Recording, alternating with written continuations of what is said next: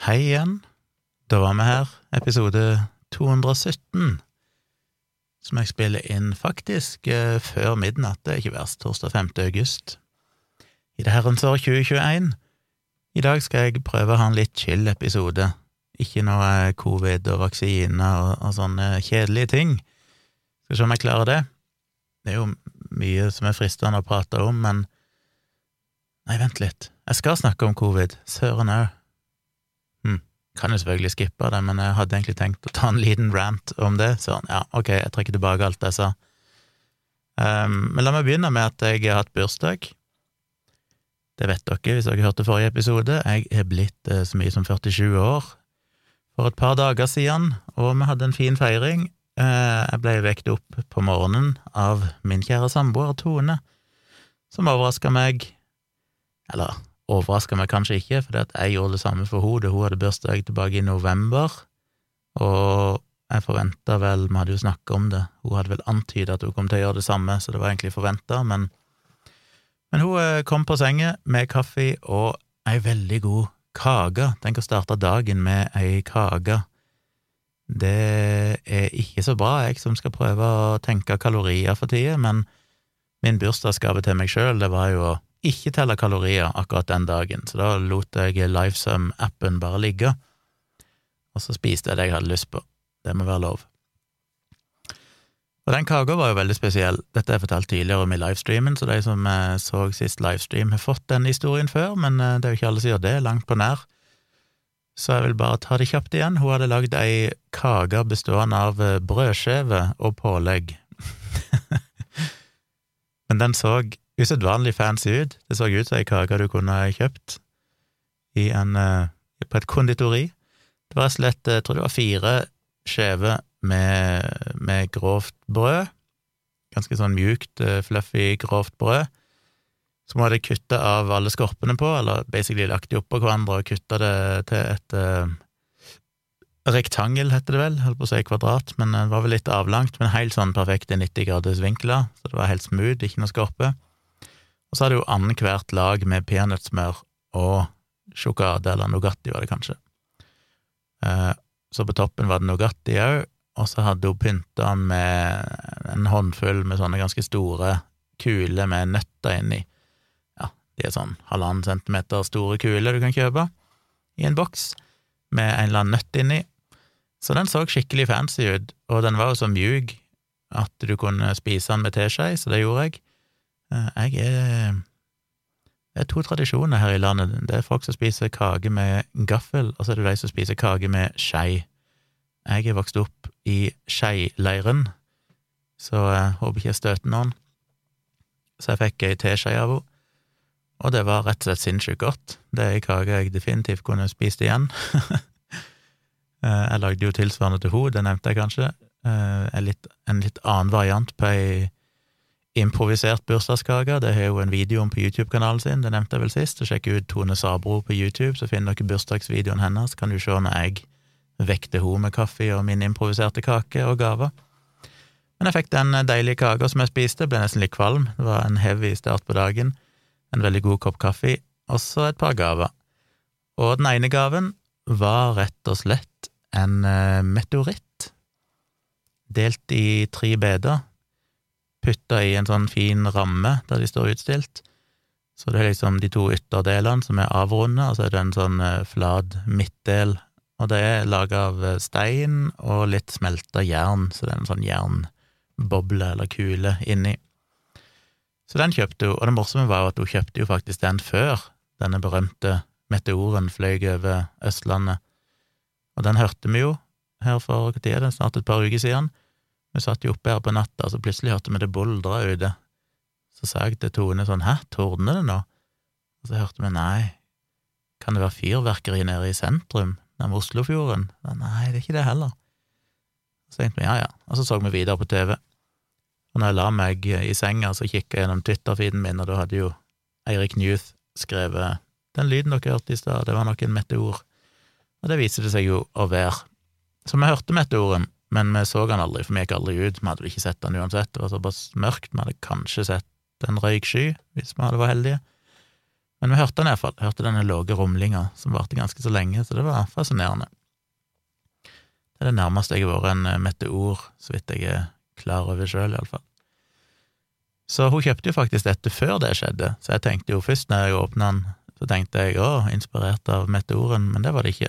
Så hun hadde jo selvfølgelig litt vondt inni seg når jeg satt og leste Twitter-feeden og sa hei, hei, eh, hei, Tone, det er en den som sier navnet på eksen min, det er ikke bra. Og hvorfor jeg har gjort det i det siste, det får dere kanskje vite i morgen, men uh, ja, det er en lang historie, så kommer vi tilbake til det. Men jeg sa hei, Tone, Eirik Jo, Eirik Knut, tror jeg sa feil navn igjen. Eirik Knut sier at det var sikkert var en meteor, og da måtte jo hun holde tett inni seg at hun allerede hadde en meteoritt som hun hadde kjøpt, som uh, jeg skulle få i gave, så det var litt vondt for henne, men endelig fikk hun avslørt det. Så uh, ja, Um, bursdagsfeiring, jo, og så ble det litt vanlig jobb etterpå, etter en daff og treig morgen, og så på kvelden så gikk vi ut, på byen, holdt jeg på å si, vi gikk ned til sentrum, satte dere på en, eh, et utested nede med Oslobukta, tok dere noen drinker, det er ikke så ofte vi gjør det, men eh, det gjorde vi, og det syntes jeg var deilig, vi var på Shutter Bar, tror jeg det heter, eller noe sånt, der vi var en gang tidligere, og de har veldig gode drinker der. Og jeg får alltid lyst til å prøve alt, så jeg hadde vel to, to forskjellige, og jeg har hatt et par der tidligere, og alle har vært veldig gode, så det kan anbefales. Et trivelig sted å sitte utendørs og ta seg en drink. Og så satt vi der en times tid, og så begynte det å nærme seg at vi hadde booka bord på restaurant, og så gikk vi der, og da gikk vi jo på Sumo-restaurant. Og eh, det fortalte jeg jo i en tidligere podkast om, den opplevelsen vi hadde i Bergen med Sumo-restaurant, som var veldig hyggelig, så vi måtte prøve det her i Oslo og jeg bestilte jo altfor mye mat. Eh, jeg har jo denne her eh, vegansk-ish greia gående, som vel egentlig er mer pesketarianer fordi jeg spiser fisk, og ikke helt avholds på enkelte dyreprodukter, som for eksempel ost. Men jeg prøvde å kutte ut så mye som mulig. Jeg prøvde å kjøpe mye yoghurt og sånn som ikke inneholder melk, og har spist lite ost, og litt brunost, og ellers har jeg faktisk spist helt vegansk nå i ja, jeg husker ikke hvor lenge det er, et par uker, snart tre uker kanskje, jeg husker ikke. Men iallfall, så eh, det går helt fint. Og i kveld så hadde jeg faktisk eh, hamburger, veganske burger som jeg lagde meg sjøl, veldig god. Så ja, så jeg tenkte jeg skulle være flink og ikke spise bestille noe av kjøtt. Det meste på menyen hadde jo kjøtt, men jeg tenkte jeg, jeg kunne tillatt meg det på bursdagen min, for jeg skal ikke være helt firkanta på det, som jeg har sagt. Men det er jo gøy å prøve å la være. Så jeg tenkte jeg går for noe sushi. Og så var det litt sånn kjedelig, det var bursdagen min, så litt kjedelig å bare bestille sushi, selv om jeg bestilte en veldig eksklusiv sushi, blant annet en sånn maki-rull med gullbelagt maki. Det var en sånn gullmajones på toppen, og et eller annet gull, uh, gullflagg på hver maki. Det var ikke så dyrt som det høres ut, det kosta bare ørlite grann mer enn vanlig maki-rull, men men det er jo faktisk veldig god. Også noen nigiri i tillegg. Og så ble jo egentlig det nok, tenkte jeg, men så hadde jeg jo lyst på noe mer, så jeg bestilte noe sånn bao buns, som vel er noe sånn, hva er det, thailandsk, vietnamesisk, vietnamesisk er det kanskje. Uh, og der måtte du bestille minimum tre, så det var litt irriterende, for jeg hadde egentlig bare trengt én, men jeg bestilte én med scampi, én med en eller annen hvit fisk, og én som var sånn vegetargreie. Og jeg blir jo så flau når jeg ikke klarer å spise opp, men jeg bestilte, og det er jo et minus i margen til Sumo-restaurant, når hun servitøren foodshamer meg og liksom blir overrasket. 'Hæ, skal du ha så mye?' sier hun. Det tenker jeg det er ikke helt bra av en servitør, og jeg påpeker hva du liksom kritiserer det du bestiller. så jeg ble jo flau og sa ja, men jeg måtte bare prøve litt av alt, sa jeg. Og så orka jeg selvfølgelig ikke alt. Tone hjalp meg litt med å spise den vegetar-baobønnen Eh, men eh, ja, det ble liggende litt sushi igjen på tallerkenen. Og når hun kom for å hente det, så lo hun litt hos servitøren og sa ja, du orker ikke alt. Så tenkte jeg fuck you. Jeg vil ha meg frabedt å få kommentert maten jeg bestilte, at ikke jeg har spist opp, men hun fikk vel tips allikevel, dessverre. Så uansett, jeg har så klart det å bestille en svær dessert òg. Jeg skulle ha en liten sånn sjokolademousse som så så liten ut på bildet. Jeg tenkte jeg godt med en liten og litt søtt helt til slutt, og så en kopp kaffe. Og så kom de med en svær greie med tre svære kuler, så det var jo altfor mye, men det var dritgodt, da. Spiste vel ikke opp hele, hele den heller. Så jeg eh, tre-firedobla sikkert mitt lovlige kaloriinntak akkurat den dagen, så nå har jeg jo litt å ta igjen. Men det var en veldig hyggelig kveld, hyggelig bursdag, selv om det bare var meg og Tone, og veldig simpelt og enkelt, så er det jo egentlig sånn jeg liker det best. Så det var bursdagsfeiringa mi. I morgen så skal jeg eh, i et spennende møte. Jeg nevnte jo i en tidligere podkast at jeg hadde lyst til å gå ut med et tilbud til forskjellige restauranter og kafeer i Oslo om å ta bilder for dem. Gjerne på en sånn slags abonnementsbasert ordning, der jeg kan komme for eksempel en gang i måneden og ta oppdaterte bilder, og så betaler de et fast beløp i måneden for det. Og jeg hoppet jo bare i det her i, eh, for noen dager siden, ja, kanskje ei uke siden, husker ikke helt, og bare fant en oversikt over restauranter i Oslo, for det er sånn, hvor skal jeg begynne hen?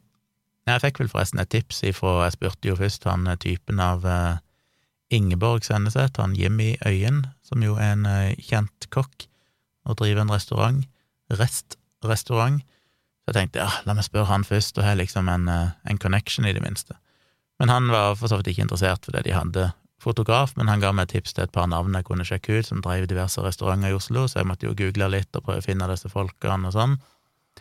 Og så bare spurte jeg opp mailadresser til alle disse restaurantene, og sendte vel ut en ti-tolv mailer eller noe sånt til forskjellige restauranter og regna vel kanskje ikke med å få noe svar. Jeg fikk svar fra en av de ganske kjapt, som bare sa takka veldig og sånn, men eh, de hadde allerede en fotograf de leide inn ved behov, så det trengte de ikke. Men så fikk jeg plutselig en mail her for et par dager siden fra en annen restaurant, skal ikke nevne noe navn, for jeg vet ikke om det blir noe, men en ganske så fancy og fin restaurant i Oslo, som gjerne ville ha et møte med meg og ta en kopp kaffe og, og diskutere litt. Så det skal jeg rett og slett i morgen, og det syns jeg jo er dritskummelt blant annet fordi jeg har ingen referansebilder, det har jeg sagt til han, at jeg har jo ikke gjort dette før.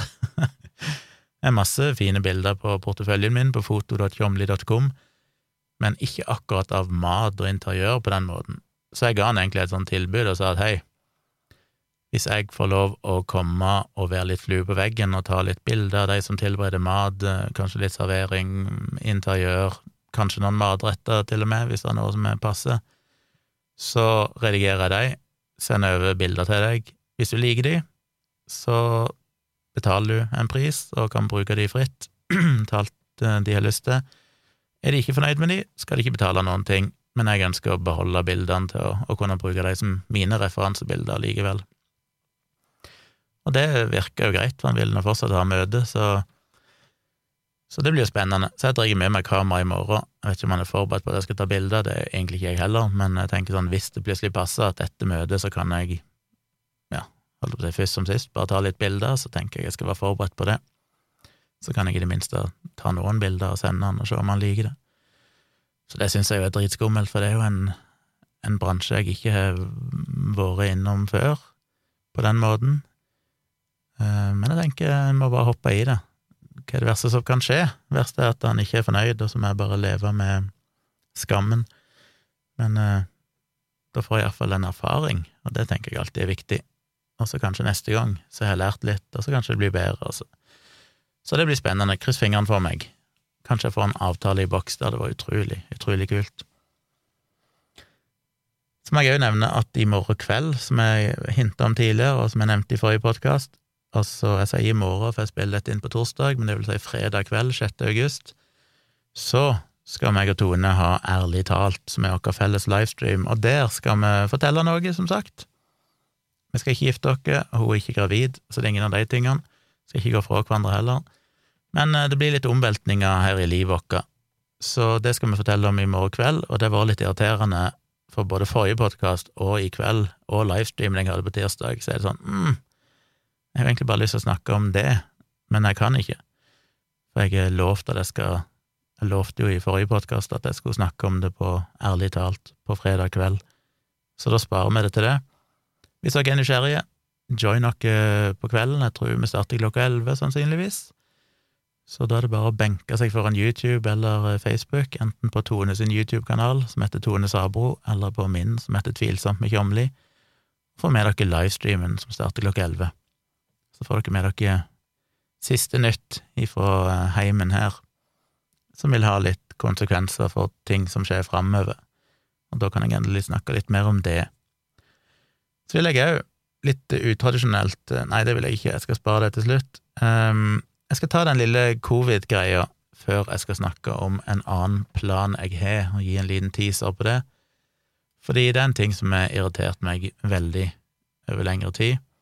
Og jeg har faktisk ranta om det tidligere, muligens i podkast òg, men jeg ranta om det i en livestream, og endte faktisk opp med å, redigere ut det klippet og legge ut som en selvstendig video på YouTube-kanalen min, og så kalte jeg den for covid-shaming. når vi drikker litt cola.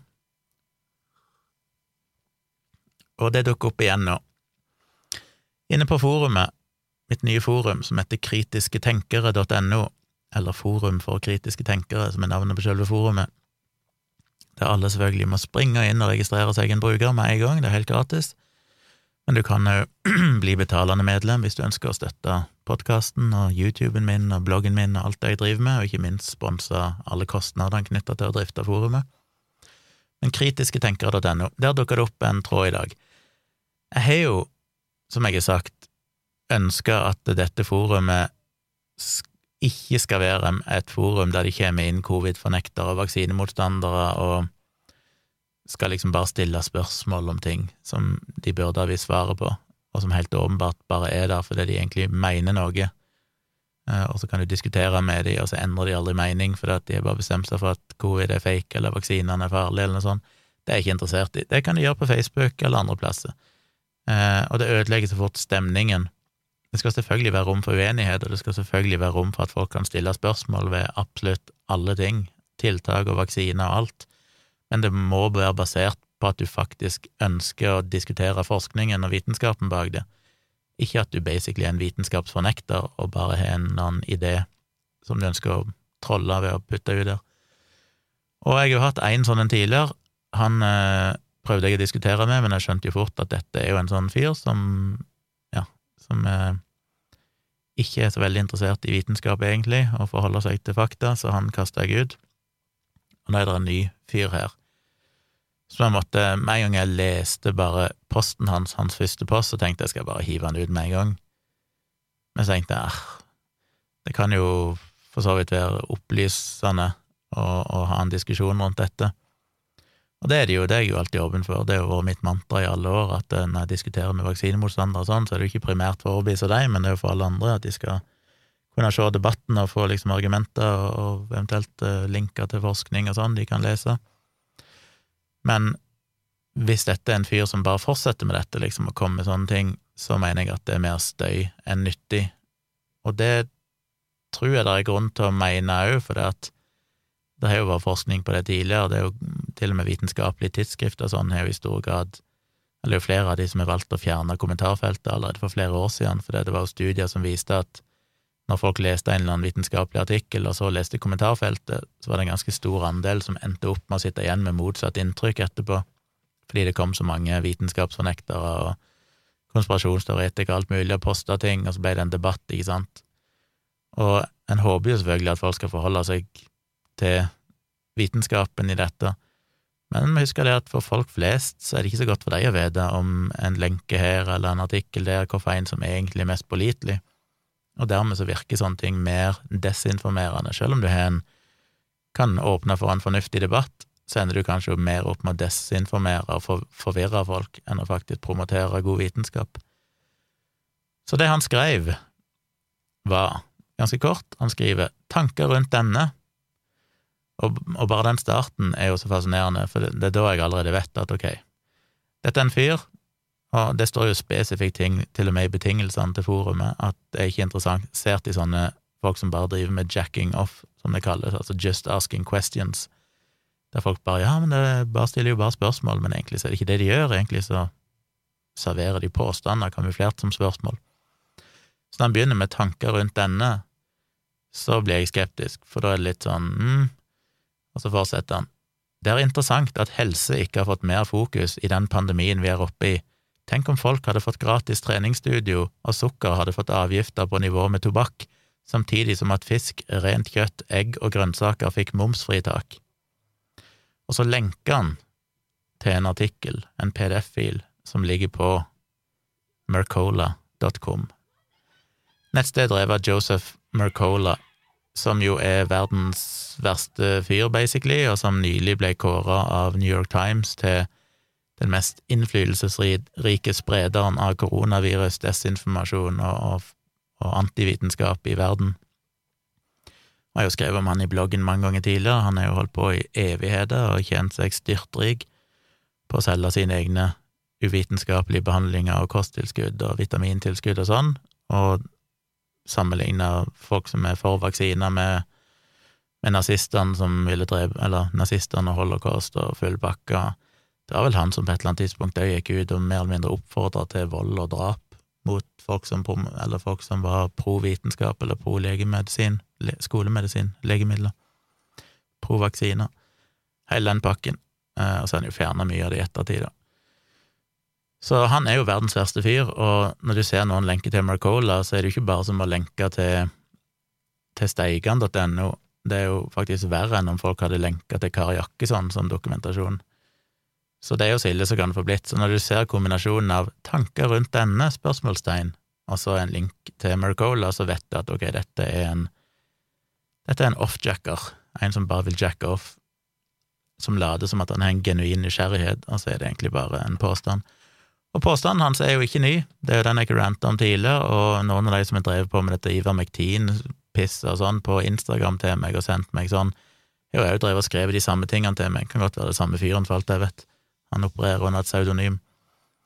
Eh, som basically går på at eh, hvis bare myndighetene heller hadde promotert sunt kosthold og trening, så hadde ikke denne pandemien vært så ille. Underforstått, vaksinering hadde ikke vært nødvendig. Underforstått, covid-19 er ikke egentlig så farlig. Underforstått, hvis du blir alvorlig syk av covid-19, så er det din egen feil, fordi du har valgt å spise feil mat, og du er overvektig. Og Det er derfor jeg kalte den videoen min for covid-shaming, for det er noe av det verste jeg kan tenke meg, når du mer eller mindre sier at Ja, du sier jo basically at folk som blir alvorlig syke, har seg sjøl å takke. Og det er jo feil på så mange måter. Jeg, jeg kunne ha ranta om det, men la meg heller bare lese svarene mine. Det første svaret jeg skrev, var ja, tenk om alle bare kunne være sunne og friske, så ville det ikke vært så mye problemer i verden. Sorry, men dette er en banal argumentasjon fra vaksinemotstandere og covid-fornektere. 1. Det er ikke prisen på treningsstudio som hindrer folk fra å mosjonere. Det er gratis å jogge eller gå lange turer hvor som helst, og treningsstudio har ikke noe med vektnedgang, helse og sunnhet å gjøre i seg selv. 2. Ja, økonomiske insentiver for å spise sunnere er flott, men det er en del mer komplisert enn det Studier viser at det er mer effektivt å øke avgifter på usunn mat enn å redusere pris på sunn mat, og det er ikke gitt at å øke avgifter på sukkerholdig mat nødvendigvis har så stor effekt. Og Da viser jeg til en artikkel på bramat.no som er skrevet av blant annet Erik Arnesen, eh, som har sett litt på forskningen på dette og finner at eh, det er ikke en enorm effekt på, eh, på dette. Eh, det er jo en sånn urettferdighet i det at det er klart alt av sånn nudging via prispolitikk påvirker jo gjerne lavinntektsfamilier mest. Så hvis du gjør eh, enkelte ting dyrere, en dyreste høyere sukkeravgift og sånn, så er det klart det blir vanskeligere for deg å kunne av og til nyte noe søtt. Eh, så sånt slår jo urettferdig ut, for at folk som har nok penger, bryr seg jo ikke. De kjøper det de vil uansett. Maten er ikke noe, det er ikke noen ting de tenker veldig mye over. Akkurat hva en liter melk koster, eller hva en eh, ja, halvannen liter cola måtte koste. Det er liksom ikke det som er det viktige for dem. Samtidig så er det jo gjerne lavinntektsfamilier som har det mest usunne kostholdet, og derfor så kan en argumentere med at ja, kanskje det hadde vært fornuftig allikevel, men eh, summa summarum så ser det ikke ut til å ha de enorme effektene. Så det er et argument som i mest av alt er fantasi, at det skal ha en enorm betydning. Eller for å si det på en annen måte, det er et argument som ikke har Nå leser jeg ikke opp kommentaren min lenger, nå sitter jeg bare og ranter. det er et argument som ja, i beste fall kan ha en liten effekt, og jeg er positiv til at generelt sett så burde vi prøve å gjøre det lettere å spise sunt og vanskeligere å spise usunt, blant annet gjennom prispolitikk, kanskje. Men ideen om at én, det har en enorm betydning for covid-19, og to, det vil ha en enorm betydning i løpet av veldig kort tid midt under en pandemi, er jo helt idiotisk. Eh, men jeg kommer litt tilbake til det i senere kommentarer. Punkt tre som jeg skrev, var å tro at folk skal legge om til å bli sunnere over natta, er også en grov undervurdering av hvor komplekst helse er. Mange som er overvektige, er ikke det fordi de er late og bevisst driter i helse og velger å spise usunt. De gjør det på grunn av stress, psykiske lidelser, gener osv. Selv i en verden hvor treningssentre var gratis, usunn mat var dyrere og sunn mat var rimeligere, ville vi fortsatt hatt millioner av døde fra covid-19. Fire. Dette er en ekstremt vestlig tankegang. Husk at det, der det dør flest, er i land hvor overvekt og tilgang på godteri eller mangel på mosjon ikke nødvendigvis er et stort problem. Fem. Covid er mest alvorlig for de med underliggende sykdommer eller som er gamle. Disse vil ha lite nytte av avgiftspolitikken på mat eller gratis treningssentre. Seks. Narkola er en større trussel mot folkehelsen enn det sukker er. Og så fikk jeg et sånn jalla-svar ifra han. Eh, så svarte jeg eh, igjen, uten egentlig å svare på det han skrev, for det var så meningsløst. Um, ja, han argumenterte med at han burde gitt PT, altså personlig trener på blå resept, kostholdskurs, personlig klinisk ernæringsrådgiver osv. Det er bare sånn Jesus Christ. Da svarte jeg dette er totalt meningsløs argumentasjon fordi én, jeg liker lister, jeg liker å liksom nummerere poengene mine, for da håper jeg at de som svarer meg, òg nummererer til de, så blir det så mye ryddigere debatt. En. eh, en sunnere livsstil er ikke spesielt for covid, det vil gjelde de fleste sykdommer. Å trekke dette frem midt i en pandemi kan bare argumenteres ut fra et standpunkt om covid-fornektelse eller antivaksine, antimedisin. To, myndighetene har fokus på helse mosjon hele tiden. Man må være blind og død for ikke å ha fått med seg myndighetenes helse- og kostholdsråd de siste 50 år, men nesten ingen følger disse, selv om de generelt ville gjort folkehelsen mye bedre, så hvorfor skulle folk plutselig endre seg nå? 3. å ha et fokus på dette i en pandemi ville være grovt uansvarlig, fordi det gir inntrykk av at man kan slippe sykdom om man bare blir sunnere, men de færreste klarer å bli sunnere generelt sett, og i hvert fall ikke i løpet av et par måneder. Fire. Det vil også være grovt uansvarlig fordi det vil skape et mer klassedelt samfunn og skape skyldfølelse hos de som da blir alvorlig syke likevel, spesielt siden de fleste av disse ikke vil kunne påvirke risikoen sin i nevneverdig grad gjennom endret kosthold eller mosjon, og mange har ikke den luksus det er å kunne velge å spise bare sunt og mosjonere hver dag på grunn av ting som psykisk helse, livssituasjon osv. Fem, og dette synes jeg er viktig, det, det, vil gi et grovt feilaktig inntrykk av at mosjon og kosthold har dramatiske effekter for risikoen for alvorlig sykdom fra covid, noe det ikke har. Det vil igjen kunne føre til at folk la mindre vekt på å bli vaksinert, som til syvende og sist er det eneste som vil ha dramatisk effekt for både individ og befolkningen som helhet. Og det synes jeg jo er det viktigste, at ja, la ikke si vi ikke hadde noen andre tiltak. For all del, kanskje myndighetene burde lagt mer vekt på de tingene. Eh, jeg tror ikke egentlig det ville ha noen effekt. Eh, jeg tror det ville kanskje være negativt, på at det ville ført til en form for shaming og og unødvendig skyldfølelse, fordi det ville gitt en idé til folk om at folk som blir alvorlig syke, er litt skyld i det sjøl, selv, selv om de som blir mest alvorlig syke, er folk med underliggende sykdommer eller bare har veldig høy alder, som der eh, kosthold og mosjon enten ikke er mulig eller relevant, eller vil ikke ha stor betydning uansett. Så ja, hvis du er yngre og sterkt overvektig, ja, så har du en høyere risiko for alvorlig covid-19 hvis du blir smitta men det er jo ikke de som er de aller fleste, det vil jo være et veldig lite mindretall av alle som blir alvorlig syke, så effekten vil jo være relativt liten uansett om du hadde klart å gjort noe med dette. Men det store problemet er jo at når vi faktisk har noe som vi vet virker nesten 100% nemlig vaksinering, hvis da myndighetene hadde gått ut og antydet at det hadde vært ekstremt effektivt, og hvis folk bare gikk litt mer ned i vekt og begynte å trene og spiste sunnere, så ville jo det gitt folk en idé om at det ville ha en enorm effekt, og dermed kanskje ikke vaksiner så fryktelig nødvendig allikevel. Og det vil jo være å folk, sette folk i større fare, ikke i mindre fare. Så hvis myndighetene hadde gått ut med et sånt budskap om kosthold og mosjon og så videre, så ville jo det rett og slett kunne gjøre verden mer utrygg. Svaret hans da var jo ekkokammeret ditt har ikke rom for andre diskusjoner eller synspunkt enn de du selv anser som riktige, synd. som er litt sånn eh, ok. Nå har jo jeg valgt å svare han ganske fyldig på hans sine påstander, og så kaller han det umiddelbart for et ekkokammer fordi han ikke har noen argumenter. Men ok. Og så kom det noen flere kommentarer fra andre, og så svarte jeg til slutt for det var en som påpekte at han hadde googla Joseph Mercola, og så kom han med en lang kommentar der han finner ut at Mercola er jo komplett ko-ko og livsfarlig. Og så svarte jeg da ja, det ville være lett å bare avslutte diskusjonen med at hvis man lenker til Mercola, er det ikke noe mer å diskutere, fordi det er det strengt tatt ikke. Det er faktisk verre å lenke til noe på det er faktisk verre enn å lenke til noe på Kari Jakkessons Facebook-side som dokumentasjon. Og så lenker jeg til den New York Times-artikkelen der han blir utpekt som den største desinformatøren i verden når det gjelder covid. Så fortsetter jeg, men jeg valgte å ikke gå den veien, fordi Fantorangen, som han kaller seg her i forumet, ikke er den første som kommer med disse påstandene. Jeg laget en video om dette tilbake i april som heter Covid-shaming, så linker jeg til den. Det er bare så hårreisende tåpelig å argumentere med at gratis treningssentre og billigere sunn mat at med gratis treningssentre og billigere sunn mat ville mange problemer vært løst, fordi det er en så ekstremt banal forståelse av kompleksiteten i helse. I tillegg er det i praksis å shame de som blir syke, og antyde at det er deres egen feil, når verden er så mye mer kompleks enn det.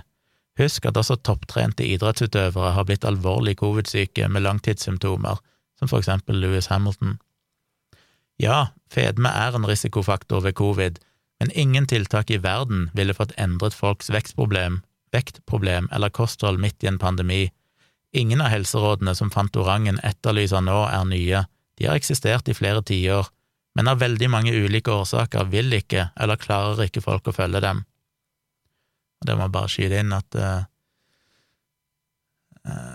Jeg tror det er Erik Arnesen som tidligere påpekte at det er vel rundt er under 1 eller noe sånt av norsk befolkning følger faktisk eller spiser i tråd med de norske kostholdsrådene. Eh, så er selvfølgelig en mye større andel som er noenlunde i tråd med de, men altså det er jo basically ingen som faktisk følger kostholdsrådene sånn som de egentlig er skrevet, og hadde alle gjort det, ja, så hadde vi unngått veldig mye livsstilssykdommer og sånn, garantert, men det sier jo litt hvis vi etter mange tiår, og de rådene er veldig godt kjente, de ligger ute, de blir opplyst om hele tida, folk har lest de, folk har hørt om de på skolen. Så klarer ikke folk å følge de, og da er det jo banalt å tro at det skulle endre seg plutselig i 2020. Eh, men av veldig mange ulike årsaker vil ikke eller klarer ikke folk å følge dem. Og som artikkelen jeg delte lenger oppe viser, så tyder lite på at det å gjøre sunn mat rimeligere faktisk fører til noen betydelig endring i folks kosthold, så det blir utelukkende en fantasi som man bruker som et slags vitenskapelig, sympatisk argument mot vaksiner, eller for at covid ikke er så farlig om man bare er sunn, noe som beviselig er feil. Derfor blir jeg provosert og forbanna når noen skriver dette, fordi det er så ufattelig korttenkt, kunnskapsløst og oser av en så fundamental mangel på empati og konsekvenstenkning at jeg blir litt matt. Så ja, det var min lille rant om det. Hvis dere har noen tanker om det, så er det jo bare å hoppe inn på kritisketenker.no, og så finner dere den tråden inne i den topicen, altså den kategorien som heter pandemiprat. Så kan dere jo lese hele tråden og eventuelt komme med innspill sjøl. Så jeg følte bare for å få det av hjertet. Og så tenkte jeg å hoppe over til noe som er helt ikke-covid-relatert. Og det er, og jeg tror ikke jeg har nevnt det her i podkasten før, jeg har snakka litt om det i livestreamen. Eh, hvis jeg har nevnt det i podkasten før, så unnskyld jeg, men det er sikkert ikke farlig å nevne det igjen. Jeg har tenkt å starte en ny podkast. Å nei, tenker dere kanskje, enda en podkast, ikke han der tjomli Nok-podkaster. Jeg har bare to. Jeg har denne, Tomprat, kommer riktignok to ganger i uka, og så har jeg Virkelig grusomt sammen med min samboer Tone. Men eh, jeg lyst til å lage en ny podkast, men det blir en tidsbegrensa og sesongbasert podkast. Fordi min far har jo bodd mange år i Afrika, i Tanzania, Zambia og Kenya, og har opplevd veldig mye spennende. Og han har skrevet tre bøker, ei bok om Zambia, en om Tanzania og en om Kenya, som er veldig sånn, egentlig bare en samling med veldig mange korte historier som både er rørende, spennende, sjokkerende og tidvis veldig romantiske, for han møtte jo min mor der nede, og de gifta seg, og det er jo Det er jo ganske søtt. Jeg har vel lest det før, men jeg hadde glemt det vekk, men jeg leste i begynnelsen av den første boka, så er det sånn blank side, og så står det bare Kate, som altså er navnet på mor mi. Afrika har gitt meg utrolig mye, det beste av alt er deg, takk. Og da får jeg nesten klump i halsen av å lese det. Um, ja, pappa er en uh, Det er ikke så lett å se på han, det er ikke så ofte du oppdager det, men det kommer mest fram når han skriver ting på Facebook og sånn, så er han jo veldig veldig uh, følsom og egentlig ganske så romantisk fyr.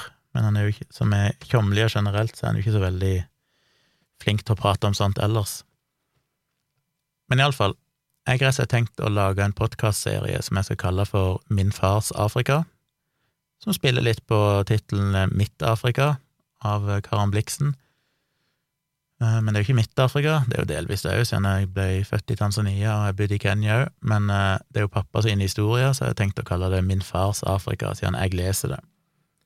De tre bøkene han har gitt ut, er jo bare sånn selvpublisert, som han har fått trykt opp eh, profesjonelt i noen hundre eksemplarer, og gitt vekk til mye venner og bekjente og solgt noen her og der, bare sånn ifra stua si. Det er ikke noe du kan kjøpe på nett eller i bokhandelen. Så jeg syns jo det er så kule historier at det skulle ha nådd ut til et større publikum. Og podkast er jo populært, og podkast kan ligge på nettet for alltid, og er i utgangspunktet gratis for alle, så hvorfor ikke lese de inn som en slags lydbøker i podkastversjon, litt som jeg har gjort med mine egne bøker? Og så håper jeg folk vil synes det er gøy. Så jeg tenkte å lage tre sesonger, én sesong for hver bok. Så får vi se hvor mange episoder det blir i hver sesong, kanskje en sånn ti eller noe sånt. Jeg må regne litt på hvor mye tekster er i hver bok, de er litt forskjellig eh, sideantall. Men jeg håper dere har lyst til å høre på den. Jeg er ikke helt sikker på når den kommer. Jeg driver og jobber sammen med moderne media om å få designa cover og sånn. Skal finne litt eh, afrikansk musikk som jeg kan krydre det med iallfall i begynnelsen av starten, som en liten jingle for å sette folk i rette stemning. Og så må jeg spille inn en liten teaser som blir sluppet så fort moderne medier har oppretta podkast, eh, podkasten for meg og sånne ting, på sin plattform. Og så dukker det opp etter hvert, og da håper jeg jo flest mulig av dere har lyst til å abonnere på den og høre. Så som en liten teaser så fikk jeg litt lyst til å lese noe fra en av de bøkene og da velger jeg bok nummer to, egosentrert som jeg er. Den heter Minaki, som var der de bodde i Tanzania. Den første boka heter Namuala, som var der de bodde i Zambia. Og den tredje boka er litt, eh, en litt kjedeligere tittel, for den heter bare Det vil helst gå godt. Min afrikanske sjåfør. Undertittel. Men jeg tenkte jeg skulle lese for bok nummer to, for der dukker jeg bokstavelig talt opp. Da blir jeg født, og det var liksom det første jeg kom på når jeg tenkte hva kan jeg lese fra disse bøkene som er litt sånn relevant for podkasten min? Jo, det må jo være et eller annet som handler om meg. Så da velger jeg å lese om da Gunnar kom til verden. Og dette er altså pappa sine, pappa sin eh, beskrivelse av min fødsel. Så når jeg leser jeg og sånne ting, så er det altså pappa sin stemme, pappa sitt perspektiv.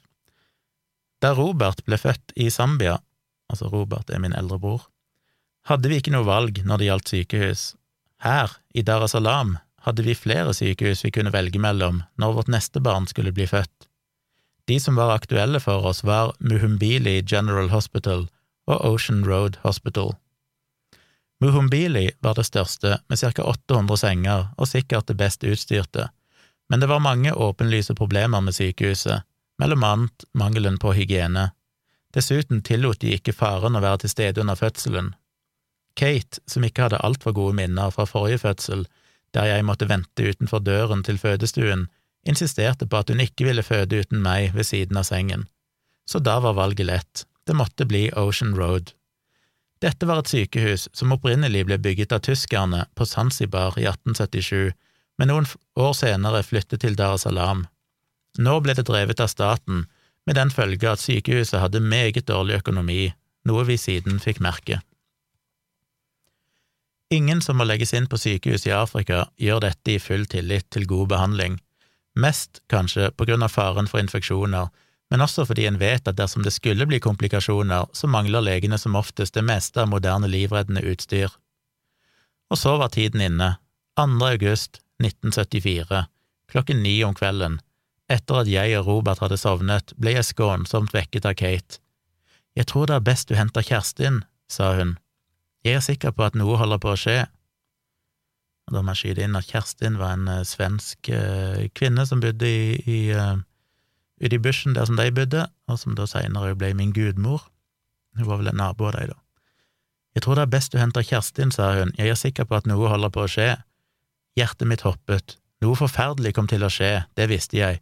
Robert våknet av all støyen og satt storøyd i senga og så på oss. Han visste at han skulle få en liten baby, men hadde forstått på meg at vi skulle kjøpe den hos Dewhurst, der vi kjøpte alt det andre. Så hvorfor oppførte vi oss så rart? Siden fødselen kom til å skje på to–tre minutter etter min overbevisning, mente jeg at å hente Kjerstin tok altfor lang tid, nå gjaldt det å komme oss i bilen og håpe på det beste. Jeg var overbevist om at fødselen kom til å skje i bilen, så verdifulle minutter gikk tapt mens jeg argumenterte for mitt syn. Heldigvis vant fornuften, og Kate. Jeg hadde glemt hvordan girene lå i bilen, så etter et par hopp og hyling til Kate at noe forferdelig var galt med girkassen, klarte jeg å få den i rett gir og raste ned mot huset til Kjerstin. Hun hadde heldigvis ikke lagt seg ennå og måtte bare ta på seg skoene, så var hun klar til å komme med meg. I mellomtiden hadde Kate gjort seg klar. Det gikk fort, for hun hadde for mange dager siden pakket det som hun skulle ha med seg på sykehuset. Jeg visste med usvikelig sikkerhet at fødselen kom til å skje i bilen, så da vi endelig raste inn på parkeringsplassen foran sykehuset, var det en slik lettelse at jeg følte meg helt kvalm. Kate tok det rolig. Det var ingen vakt i vaktrommet, så Kate måtte selv spasere inn. En sykesøster møtte oss i gangen, hun viste oss veien til et lite rom med én seng og ellers ingenting. Rommet ble bare opplyst av én en enkelt lyspære i en bordlampe på sengekanten. Jeg ba sykesøsteren om å tenne lyset i taket, men hun sa at på grunn av økonomien var det bestemt at det bare skulle være én lyspære i hvert rom. Det var ingenting å gjøre med det. Så forsvant alle, bare stakkars Kate og en halvdød far ble igjen. En gang imellom, det føltes som om det gikk mange døgn mellom hver gang, stakk en sykesøster hodet inn og spurte hvordan det gikk. Hun snakket aldri til meg, antakelig fordi hun visste at jeg hadde mistet forstanden så snart jeg kom inn på sykehuset. Endelig, klokka fire om morgenen, etter at jeg hadde vekket Kate fra halvdøsen hun lå i mange ganger for å sjekke om hun fremdeles var i live, hvisket hun at jeg måtte hente en eller annen, for nå kunne hun kjenne at noe var i gjære. Det var ingen å se ute i den halvmørke gangen, men etter å ha hylt om hjelp, mer og mer desperat ettersom ingen viste seg, kom endelig en ung lege. Han var etter min mening altfor ung. Som tegn på sin legeverdighet hadde han på seg en hvit frakk, og det hang et stetoskop rundt nakken. Han kom slentrende bortover gangen og spurte, meget likegyldig, hva som var på ferde. Spørsmålet var så dumt at jeg måtte legge bånd på meg for å ikke bli voldelig, som om ikke hele byen måtte vite at Kate skulle føde. Han la ikke merke til ledningen fra bordlampa som lå på gulvet, med det resultat at han snublet i ledningen og dro bordlampa, den eneste lampa i rommet, med seg. Lampa gikk i gulvet med et enormt brak, og det ble stummende mørkt i det vesle rommet. Jeg ropte til legen at han måtte få tak i en ny lyspære, men han tok det hele med storisk ro det finnes nok ikke flere lyspærer i huset, så hun må nok gå til andre enden av korridoren, der er det et rom som er ledig, og dersom vi er heldige, er det lys i lampa der. Kan du ikke i alle fall finne en seng med hjul på som vi kan kjøre henne i, stønnet jeg. Selv om jeg var fra meg av engstelse, hadde jeg fått med meg at fødselen allerede hadde startet, og at barnet var på vei ut i denne helt kaotiske verden. Dessverre, sa legen, det finnes nok ikke ledige senger med hjul, men hun kan sikkert gå, det er ikke så langt. Kate reiste seg med et stønn og begynte å gå uten mer diskusjon. Skulle hun unngå å føde i stummende mørke, var det bare én ting å gjøre.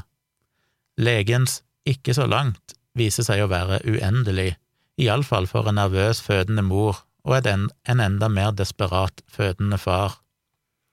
Omsider, etter det som virket som flere hundre meter av endeløse ganger, åpnet legen en dør og slo på en bryter. Velsignet lys flammet over to forskremte mennesker. Kate vaklet bort til senga og seg ned med et stønn.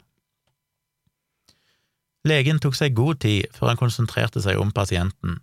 Først tok han på seg et sett hansker av hvit plastikk, og en sykesøster, som i mellomtiden hadde dukket opp fra mørket, strødde et hvitt pulver over hendene.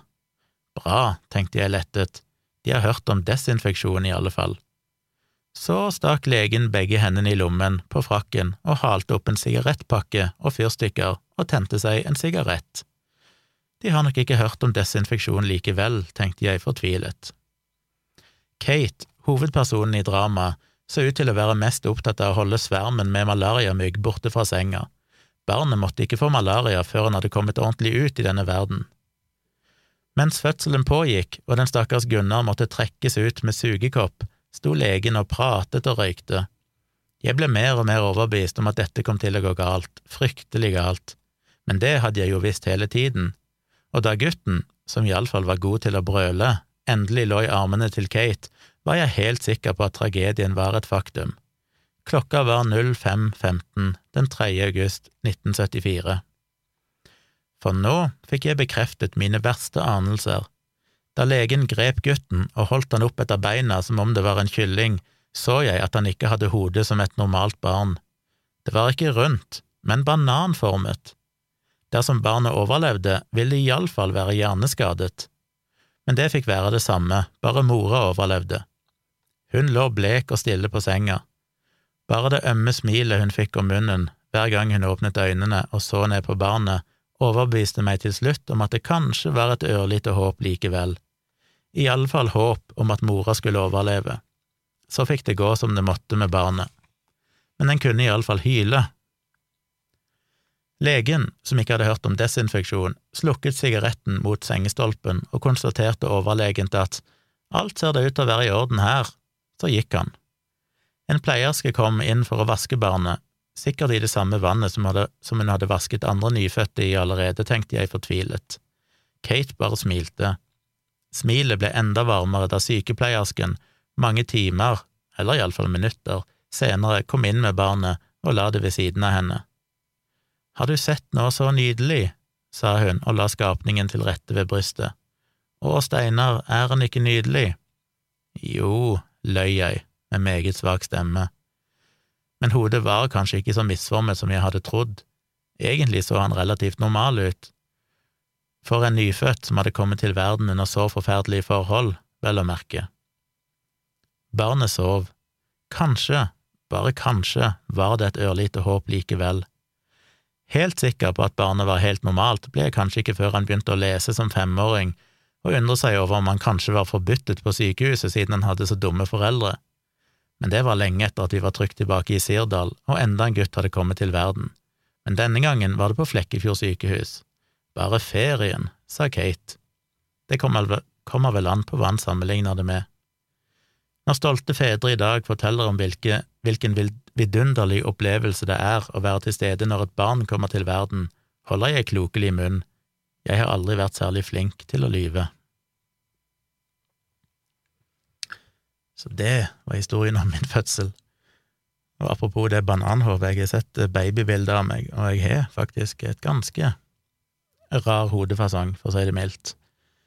Heldigvis så retta det seg stort sett ut igjen etter hvert. Um, skal ikke hevde at ikke jeg har fått eh, varig men av den opplevelsen, eller det får andre vurdere, men, men sånn var det. Å eh, bli født langt ute i bushen i Tanzania med en eh, lege som eh, røykte mens han tok imot meg, og det er jo alltid Det er alltid betryggende for eh, nervøse foreldre. Så det var en liten smakebit av eh, bok nummer to, og jeg håper det kan bli litt gøy å lese inn de. Litt òg fordi Tone skal få høre det, hun har ikke lest bøkene. Og jeg har mange venner og bekjente som jeg føler kunne høre dette, og jeg tror det er mange fremmede som sikkert vil synes de historiene er morsomme. Han har jo vært trua på livet og holdt på å bli drept mange ganger, og det har vært slåsskamper og våpen, og han jakta jo, han er jo biolog, så han gikk jo rundt og jakta og studerte forskjellige dyr, og var flere ganger i situasjoner der han holdt på å bli drept, av både dyr og mennesker, men eh, nå er han blitt 81 eh, år gammel, så spoiler alert. det gikk for så vidt bra til slutt. Men veldig, veldig kule bøker, så de har jeg lyst til å lese opp. Så gled dere til det, folkens. Eh, følg med. Jeg skal poste i alle kanaler når eh, første teaser-episode er ute, så dere kan høre den, og så abonnere umiddelbart, sånn at dere får med dere de episodene som kommer. Det tror jeg kan bli trivelig å lytte til utover høsten og, og vinteren, så får vi se hvor lenge hele greia varer. Til slutt vil jeg bare komme med en anbefaling etter en munnfull med cola. Blir tørr i kjeften når jeg sitter og prater. Vi begynte i går, eller foregårs var det kanskje, å se en ny serie på Netflix som heter Mitt uortodokse liv. Og eh, Ja, hva skal jeg si om den? Den, den er jo Jeg, jeg syns den er kul på noen måter. Den handler om en verden og ei dame som er helt ukjent for meg, men er dere opptatt av mote og sånn, så er dere kanskje Vet dere kanskje hvem det er? Det er hun som er CEO i Elite Models eh, modellbyrå. Hva er det, er det verdens største? Kanskje verdens største modellbyrå? Uh, hun vokste jo opp i en veldig fundamentalistisk jødisk uh, familie og, um, og community, altså uh, fellesskap, nei, hva heter det? Ja, anyway. Og i en alder av 43 år så brøt hun ut av det, skilte seg fra mannen sin og kom ut i den virkelige verden, og veldig fort slo seg opp i moteverdenen og alt det der, og er nå liksom styrtrik og leder verdens største modellbyrå og så videre. Så er jo noen unger, og de ungene er litt på forskjellige stadier i å bryte ut av jødedommen. Eh, ei av døtrene er liksom lagt det helt bak seg, ei er litt mer sånn midt på treet, Så er jo et par sønner som er jo litt mer sånn inni det og litt usikre på om de egentlig, ja, hva de vil med livet og sånn. Så det er interessant, et interessant innblikk i akkurat det, fordi det er jo så, jeg mener Det er jo ekstremt. Det er jo ikke noe vi hører så mye om, egentlig. Vi hører jo mest om islam og, og sånn, men hun forteller jo om i de, fundamentalistiske, veldig konservative jødiske miljøene, det er vel i New York hun holder til, og det høres ut, hun, jeg husker ikke navnet nå, men navnet på en eller annen lurer er en helt sånn egen by eller bydel som bare er liksom sånn isolert for fundamentalistiske jøder, der de lever liksom et helt liv helt utenfor resten av verden. Og der hadde jo hun vokst opp og bodde. Men eh, det er jo sånn, ja, det er jo så latterlig, damene kan jo ikke vise håret sitt. Det er jo basically sånn som du hører om i, i konservativ islam at damer kan ikke vise kragebein, de kan ikke vise albue, de kan ikke vise noe hud, fordi at menn kan jo få ureine tanker. Og det morsomme er jo at jeg, jeg stussa litt på det med en gang, de kan ikke vise håret sitt, og i islam så tenker en jo på at det da går med hijab eller et eller annet sånt for å dekke over håret. Det gjør de ikke, men de går med parykk. så det ser jo ut som de håret er synlig, men alle de damene i det miljøet der eh, har egentlig hår under parykken men du er ikke lov å vise ditt egentlige hår, men du kan ha en parykk. Og da blir det litt sånn ok, så hvis målet er at du ikke skal fremstå som liksom attraktiv, eller at menn skal kunne bli opphissa av deg, så kan du allikevel ha på deg en parykk som kanskje får deg til å se enda bedre ut enn det du ville gjort med ditt naturlige hår. Altså, og det er liksom greia med fundamentalistisk eh, jødedom er jo den ekstreme absurditeten i alle disse reglene de har. For eksempel så er det jo en dag eller noe sånt der de skal må avstå helt for å, å bruke elektrisitet, for eksempel. Så de kan ikke skru på en lysbryter. Eh, men hvis de for eksempel bare lar lyset stå på hele tida, så er det greit. Eller, sånn som de mange gjør, er at de da programmerer timere til å automatisk skru på lyset på morgenen. Så de kan ha lys, de kan bruke elektrisitet, de kan bare ikke aktivt i løpet av den tidsperioden ifra et eller annet klokkeslett når sola går ned, til et eller annet klokkeslett når sola går ned igjen eller opp igjen, eller et eller annet sånt, så kan de ikke aktivt skru på en lysbryter, men hvis de har en timer som gjør det, så er det helt greit. Så det at det fortsatt er de som programmerer timeren, er liksom, det er jo en aktiv handling, det òg, men så lenge det skjer da på et tidspunkt før det er klokkeslett, eller før solnedgang, så er det greit. Og ja, det er altså så det, det, er så fascinerende. Jeg har nevnt det før, men I podkasten Skeptics Guide to the Universe er det jo, så er det jo en sånn fast spalte. Nå er det et par år siden jeg har hørt på den, så det kan ha skjedd endringer, men de har vel alltid hatt det, så regner jeg med de fortsatt har det. En, en, spalte som heter Science or Fiction. Det er normalt, med litt variasjoner, men normalt er det han hovedpersonen, Steve Novella, som leser opp tre nyhetshistorier basert på vitenskap, og så er en av de fake, en av de han bare dikta opp, eller han er modifisert deler av han, sånn at det ikke lenger stemmer med den faktiske nyheten. Og så skal de andre som er med i podkasten, på en måte resonnere seg gjennom de og prøve å finne ut hvorfor en av de er det som er fake, og, og hvorfor de to er det som er riktige. Av og til så er de hatt med en eller annen jødisk dude, jeg husker ikke navnet på ham, Uh, han har jo vokst opp òg i sånn veldig ortodoks jødedom, men har jo òg brutt ut av det, og han er av og til inne som sånn gjest og tar en uh, hva det heter, Jew or fiction, eller noe sånt, uh, der han leser opp, og da tar han ofte ganske mange, sånn fem, seks, ti, eller noe sånt forskjellige skikker innenfor den ortodokse jødedommen, og en av de eller noe sånt er fake, og så skal de andre prøve å tippe hvorfor en som er fake, men det er jo basically helt umulig, for det at alle er så idiotiske, fordi alle er av den typen der du skjønner på en måte hensikten, for eksempel du skal ha en hviledag, og derfor skal du ikke bruke elektrisitet, eller du skal ikke utføre noe arbeid, men du kan gjøre alt mulig rundt det som basically har akkurat samme konsekvens og resultat, men du bare omgår det på en eller annen måte. Sånn som det er med parykken, du bare har en parykk over ditt ekte hår, så er du dekka til håret ditt. Um, og Nå kommer jeg ikke på noen gode eksempler, men det er altså så mange absurde eksempler.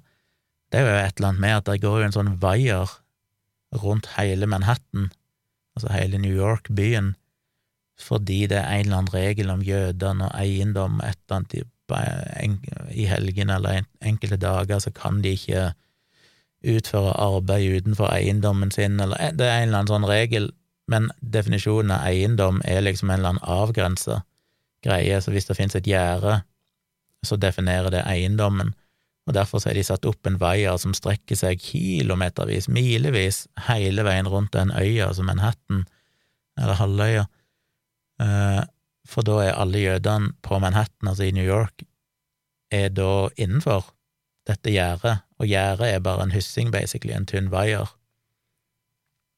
Og det koster visstnok enorme summer å vedlikeholde det, for det er noen som er det hver dag eller en gang i uka eller noe sånt, må gå rundt eller kjøre rundt hele Manhattan og sjekke den vaieren hele veien rundt, at ikke den er kutta eller røket noen plass, for hvis i det øyeblikket den ryker, så er ikke det lenger gyldig, en gyldig avgrensing, og da kan de ikke lenger ha den friheten uten å bryte disse jødiske lovene. Men altså, det er så mye absurd. Så poenget er at hun er vokst opp i dette, denne verden, og oppdager etter hvert at dette er jo ikke et liv. Kvinner er jo så undertrykt, de får ikke lov å utdanne seg noen ting. Eh, du kan ikke bruke internett, eh, de må dekke seg til.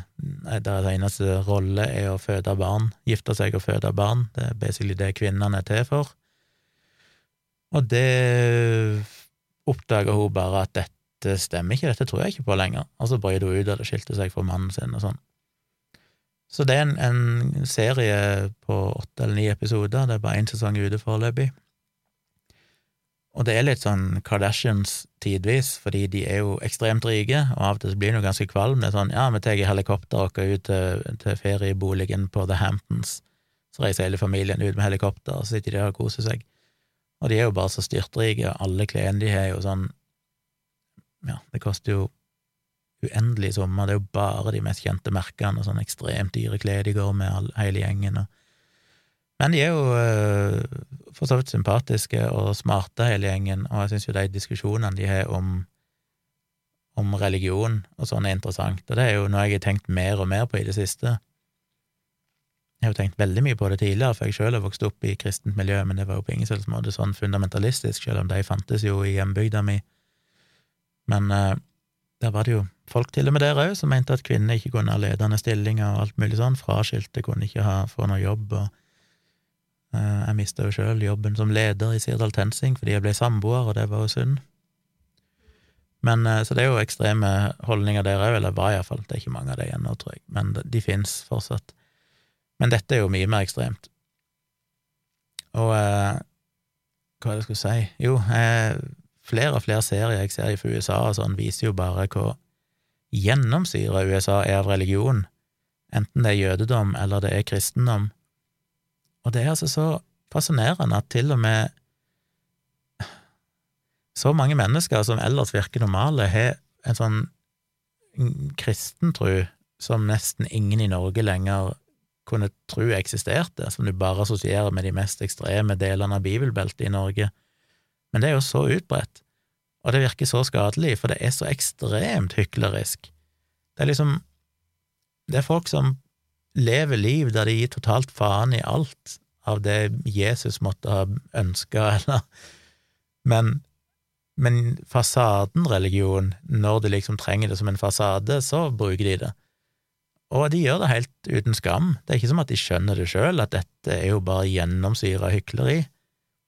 De bruker liksom kristendommen og Gud som en sånn smykke de kan bære når de trenger det, men det påvirker jo egentlig ikke livet deres i det hele tatt. Og så er det jo andre tilfeller, jeg husker ikke hvilken serie det var jeg så nylig, men der var det ei som var helt Hun hadde brystkreft, men det var ikke noe problem, for hun visste at Gud kom til å redde henne, selvfølgelig så døde hun kort tid seinere. Men det er jo den der ideen der, en kan tenke ja, ja, men er det ikke fint de har håp? Nei, det er jo ikke det når det fører til at de foretar valg som er basert på at de tror de skal leve evig, basically, heller enn å, å foreta valg som er basert på at de faktisk er en veldig alvorlig sykdom, som sannsynligvis er dødelig, eh, i hennes tilfelle, og det var den med spredning og full pakke. Så er det så trist at de lurer seg sjøl på den måten. Men iallfall, det jeg syns er veldig kult med henne her, da, det er at hun har jo Det er jo litt som meg, som vokste opp veldig beskjeden og sjenert, og jeg hadde jo den ideen da jeg var tenåring, at eh, jeg kunne ikke date ei jente eller bli kjæreste med noen, fordi hvis jeg først var med noen, så måtte jeg jo basically gifte meg med henne. Og det var jo ikke utgangspunktet noe som mine foreldre eller noen hadde innprenta i meg, jeg skylder ikke på noen andre, men, men det var sånn jeg tolka kristendommen. Eh, sex hørte til i ekteskapet, det fikk jeg jo for så vidt høre av foreldrene mine, jeg måtte ikke ha sex før jeg gifta meg. Og da føltes det jo for meg som at hvis jeg hadde sex, hvis jeg data noen eller ble kjæreste med noen og hadde sex, og vi ikke gifta oss, så var det syndig. Det trodde jo jeg på oppi tenårene mine. Så jeg husker jo jeg hadde en kompis som ble kjæreste med noen, og jeg var liksom sånn, ja, trodde det blir dere resten av livet? Jeg mener, han var liksom ja, 15 år eller noe sånt i den tida. Og han sa nei, men det var jo trodde nok ikke det ble det for resten av livet, men eh, det var jo kult liksom å ha kjæreste sånn. Jeg syns jo det var så sjokkerende. Hvordan i verden kunne han bli sammen med noen og ikke virkelig mene at iallfall liksom ha som utgangspunkt at dette skulle være livet ut? Så jeg var ganske ekstrem på enkelte sånne ideer jeg hadde. Så var en av grunnene til at jeg debuterte seksuelt seint og alt mulig sånn, eh, og hadde nok mye skam og, og dritt knytta opp mot seksualitet, fordi det ble aldri snakk om onani var synd, sex hørte til ekteskapet, alt dette her. Og da jeg òg på en måte hadde min oppvåkning og brøt ut av det, så ble jo jeg òg veldig motsatt. Da ble jeg veldig seksuelt utforskende og veldig liberal på alle måter når det gjelder sex og relasjoner og sånne ting. Og hun her, hovedpersonen her, hun er mora i denne familien, som er da leder i Elite modellbyrå, hun er jo jeg kjenner meg jo litt igjen i henne, for hun er jo gått ifra å være ekstremt konservativ hun brøt jo ikke ut før hun var 43, så det gikk jo en 20 eh, år og vel så det, lenger enn flere år enn det det gjorde med meg. Men hun har jo gått helt motsatt vei. Ikke at hun er blitt uh, seksuelt utsvevende eller noe sånt, det vet jeg ingenting om. Hun har gifta seg med en ny fyr og virker jo veldig ordentlig. Men hun er veldig åpen om sex med døtrene sine og ungene sine.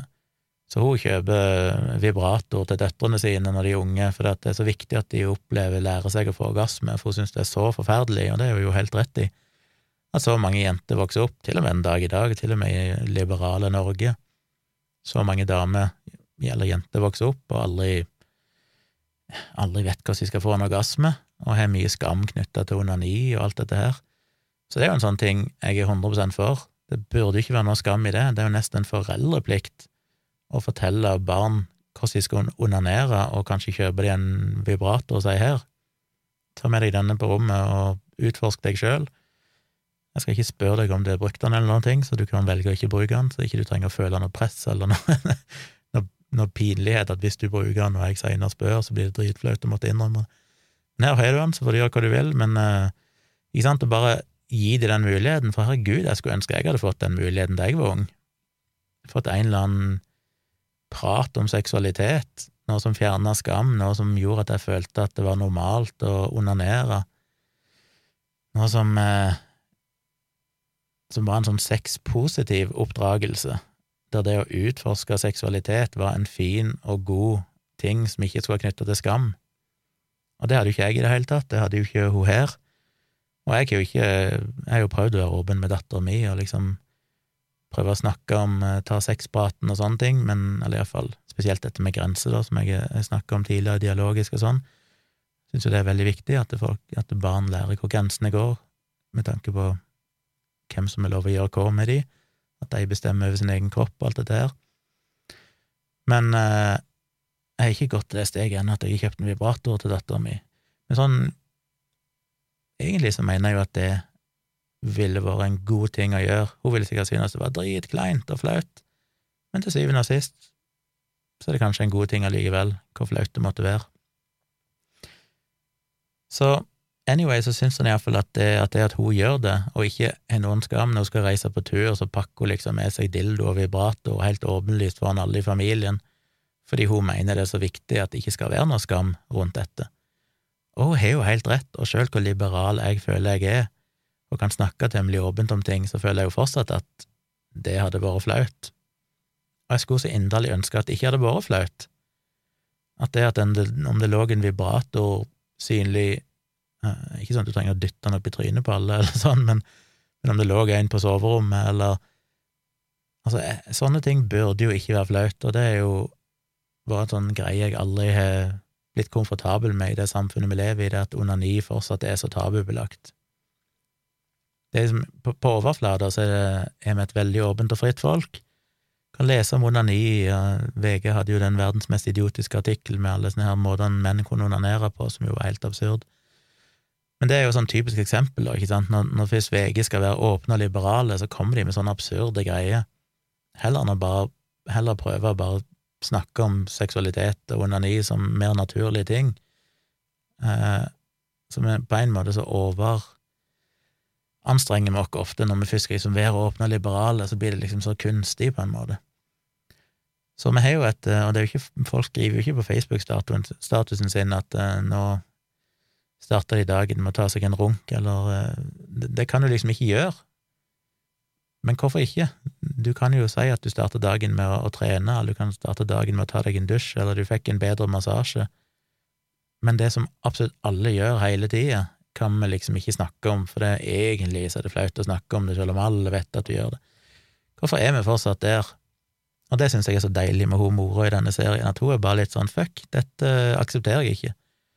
Dette skal vi være stolte av, dette skal vi ikke, det skal ikke være noe skam knytta til dette, og mine unger skal ikke vokse opp med noe skam knytta til dette. Så hun kjører jo bare på, og det synes jeg er kult, og til og med ene dattera hennes som er gift med en dude som gifta seg da hun var 19, mens, hun, mens de fortsatt var i dette jødiske, konservative miljøet, og som nå delvis er brutt ut, selv om mannen hennes er litt mer konservativ enn det hun er de sliter jo med sex, fordi at ingen av ungene hennes hadde jo hatt sex før de gifta seg. Det er jo bare ene som er gift, men hun Alle visste det at du kunne ikke ha sex før du gifta deg, så de gikk jo og spurte mora å, kan jeg gifte meg snart, jeg har lyst til å ha sex. så var ene gifta seg jo da hun eldste når hun var 19 år, og det var mye fordi at eh, da kunne hun endelig ha sex. Og så har de vært gift i mange år, og så får de egentlig ikke til sexlivet. Som ikke er så fuckings rart, når ingen av de har onanert noen gang, fordi det var synd til og med han mannen der sier jo han skal i en episode så skal han avlegge en sædprøve for å sjekke om de kan bli gravide, og det har han aldri gjort før. Han er aldri onanert. Han er 30 år gammel, eller 28 år, eller et eller annet sånt. Aldri onanert. Og når de da skal ha sex første gang og sånn, så får de det ikke til. De vet jo rett og slett ikke hva de skal gjøre. Som er altså så deprimerende og sjokkerende. Men jeg hadde i det minste tilgang på porno, så jeg visste hvordan hvordan ting fungerte, selv om jeg var seint ute og ikke fikk noe opplæring av eh, familie eller andre som fortalte meg om de her tingene, eller kunne snakke om det på noen normal måte. Så det er jo trist, men så er det jo desto kulere at de faktisk kan gå til mora hennes og spørre om råd. Jeg mener, det hadde jo vært helt, helt uaktuelt i min familie. Jeg kunne aldri snakka med mamma om noe seksuelt, fordi det har bare aldri skjedd. Så jeg misunner alltid så familier som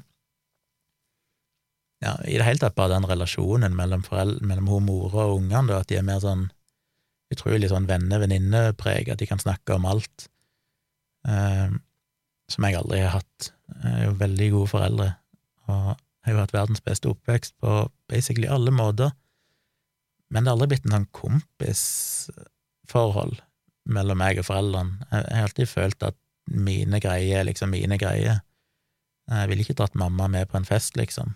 Eh, og det virker jo på en måte ganske fint når det er sånn at du kan snakke med foreldrene dine om alt. Det har aldri jeg kunnet på samme måten, iallfall ikke hvis det er noe som relatert til Eller jo, altså, jeg kunne snakka med dem om det meste, men det, hadde ikke vært enkelt.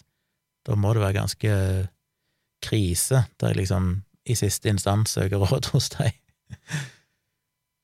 Men jeg kunne aldri ha spurt dem om noe seksuelt, det hadde var helt uaktuelt. Så det høres jo helt fantastisk ut at de kan ha en sånn åpen dialog om sånne ting. Så det, jeg ser på det som litt sånn forbilde. Jeg skulle ønske at jeg òg klarte å være mer sånn med min datter, og håpe at jeg kan få et sånt forhold til henne når hun etter hvert blir eldre igjen, og, eller hun er jo i en alder nå da dette er høyst aktuelt, regner jeg med. Så det håper jeg, og eh, det blir jo for så vidt òg litt relatert til det vi skal snakke om i Ærlig talt i morgen kveld, så som sagt, får med dere det. Og så um, Ja.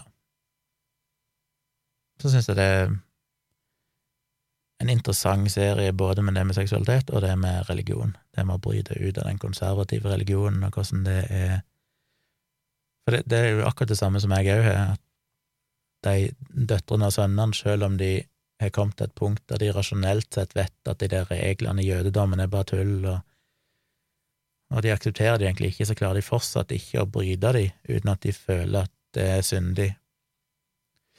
Og det henger jo med ved meg fortsatt ikke mye, ørlite grann kanskje, men iallfall det hang igjen i mange, mange år. Etter jeg slutta å kalle meg kristen, så var det fortsatt sånn at ting føltes feil. Selv om jeg rasjonelt sett visste at ikke det var det, så føltes det bare veldig feil. Og det sitter altså i så lenge, for den der eh, frykten er jo, som hun sier, frykt er irrasjonelt. Du kan gjerne forstå at ting ikke er farlig, ikke er sunn, men uh, det sitter i kroppen, det sitter ikke bare i den logiske delen av hjernen. Så alle de tingene treffer meg på mange måter.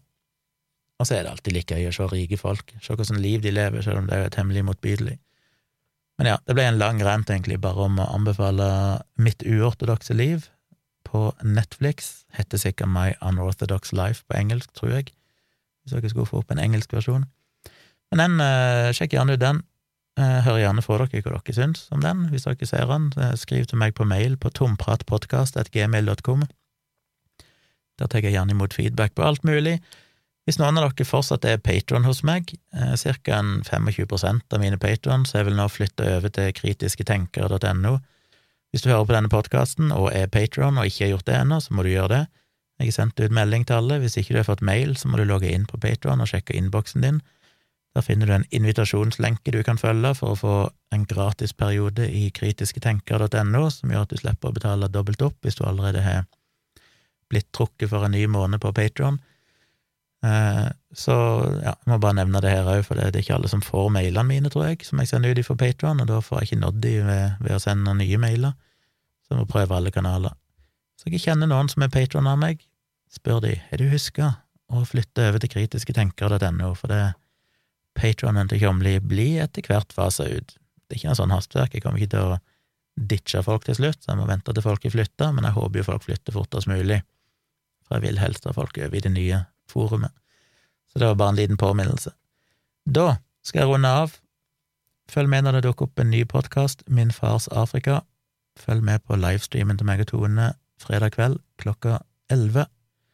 Så er jeg tilbake igjen med en ny episode av Virkelig grusomt på mandag, og en ny episode av denne podkasten på tirsdag.